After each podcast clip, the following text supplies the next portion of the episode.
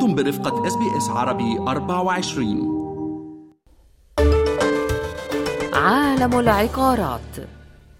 أهلا بكم مستمعينا في SBS Arabic 24 معكم في هذا المساء إيمان ريمان. وأنا هناء ياسين ونقدم لكم حلقة جديدة من بودكاست عالم العقارات نستضيف فيها الوكيل العقاري جاد عربيد للوقوف على آخر المستجدات في قطاع العقارات الهام. توقع اقتصاديون أن أصحاب المنازل سيواجهون أربعة زيادات في أسعار الفائدة بحلول آب أغسطس المقبل.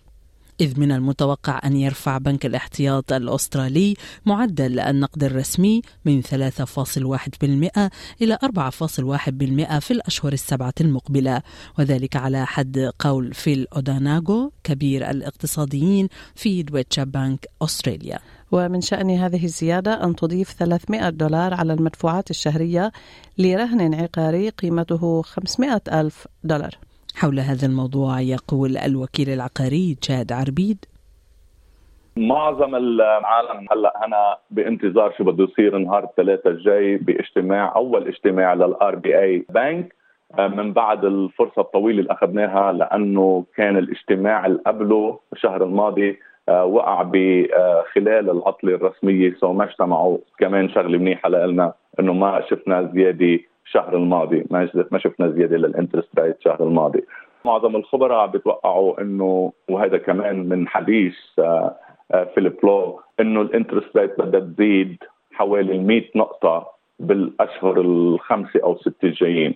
إذا ما كانت بأول أربع أشهر متتالية. من بعد ثمان زيادات متتالية شفناها بالسنة الماضية رح يرجع يبدأ بزيادة لأنه شفنا نحن ال inflation rate وال... والأرقام اللي طلعت هلأ طلع ال inflation rate من 6.9 ل 7.8% يعني هيدا واضح إنه ال RBA Bank رح ياخذ الخطوة ويعلي ال interest لحتى يقدروا يقدر يحارب ال inflation. حاليا نحن على ال cash rate هو 3.1% وال plan إنه يوصلوا لل 4.1% مثل ما قلنا ب 100 نقطة. آه يعني اللي عنده قرض حوالي 500 ألف هنا رح تزيد دفعته بالشهر حوالي 300 دولار. اللي كان عنده قرض اخذه من قبل قبل ال interest rate ما تبلش تطلع كان كان عالم عم تاخذ interest rate حوالي 3.45%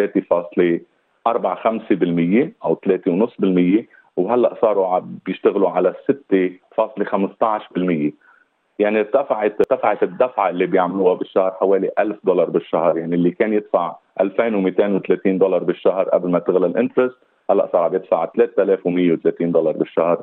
يعني حوالي 11000 دولار بالسنة زياده تقريبا. كله كنا هذا متوقعينه ما عم نشوف شيء جديد وكلنا كنا ناطرينه وهي الطريقة الوحيدة مثل ما بنقول دائما بنشوف إنه آه، الطريقة الوحيدة لنحارب ال inflation هو بزيادة ال interest.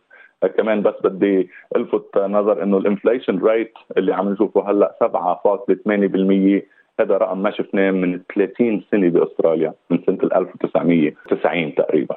إذا كل التوقعات تشير إلى زيادة آه، في نسبة الفائدة على القروض ليس فقط في الأسبوع المقبل لكن أيضا في الشهور الستة أو السبعة المقبلة.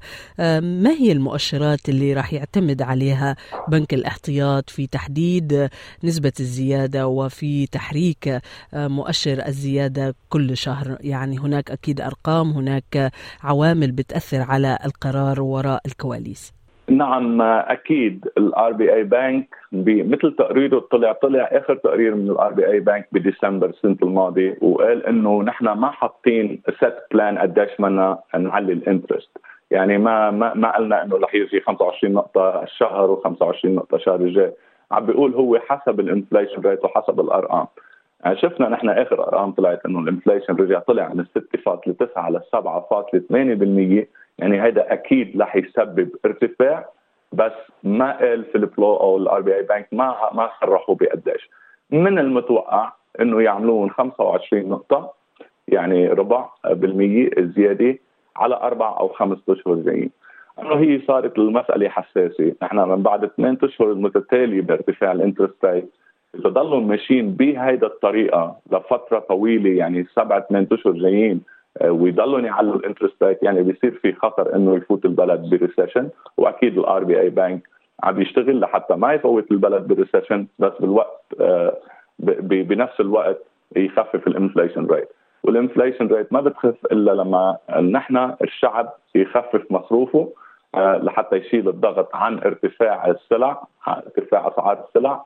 ساعتها بيهدى ال inflation rate بس نصير نشوف أول أول ما نصير نشوف إنه ال inflation rate هدي وبلش ينزل يعني آه، ال market ترجع تنتعش من جديد ويبلش ال RBA Bank يرجع يطلع على تنزيل ال interest rate أكثر من إنه يضلوا يعليها.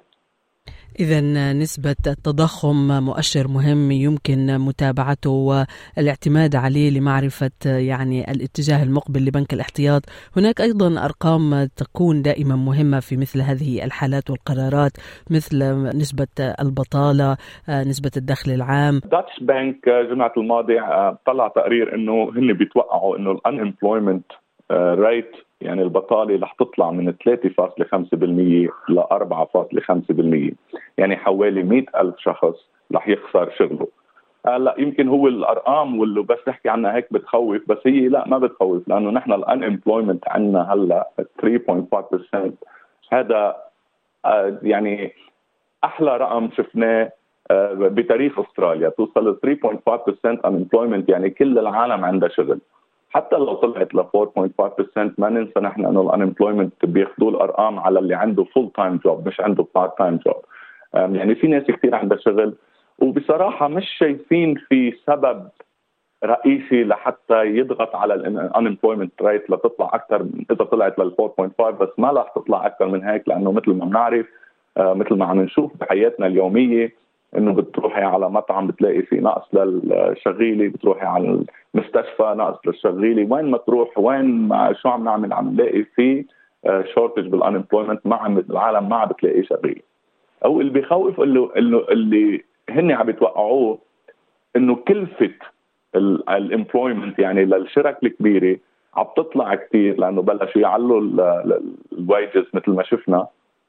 في شرك ما تبطل قادره تدفع دفعات لشغيله ممكن تصير تخفف من عدد الموظفين اللي عندهم. ومن من هون هن عم بيقولوا إنه ممكن تطلع ال unemployment rate من 3.5 ل 4.5% بس حتى لو وصلت لهونيك يعني بعده ال unemployment rate واطي وممتاز لبلد. وهذا آه، كثير كثير كثير بيأثر شو بده يصير بالبلد بالمستقبل إذا كانت ضلت ال unemployment آه، واطي. كان هذا الوكيل العقاري تشاد عربيد متحدثا إلينا في هذه الحلقة من بودكاست عالم العقارات. استمعوا إلى آخر إصدارات اس بي اس عربي 24 على جميع منصات البودكاست. تابعوا بودكاست الهوية في موسمه الثاني الذي يروي قصصا واقعية تعكس تحديات الانتماء التي يواجهها الشباب العربي في أستراليا.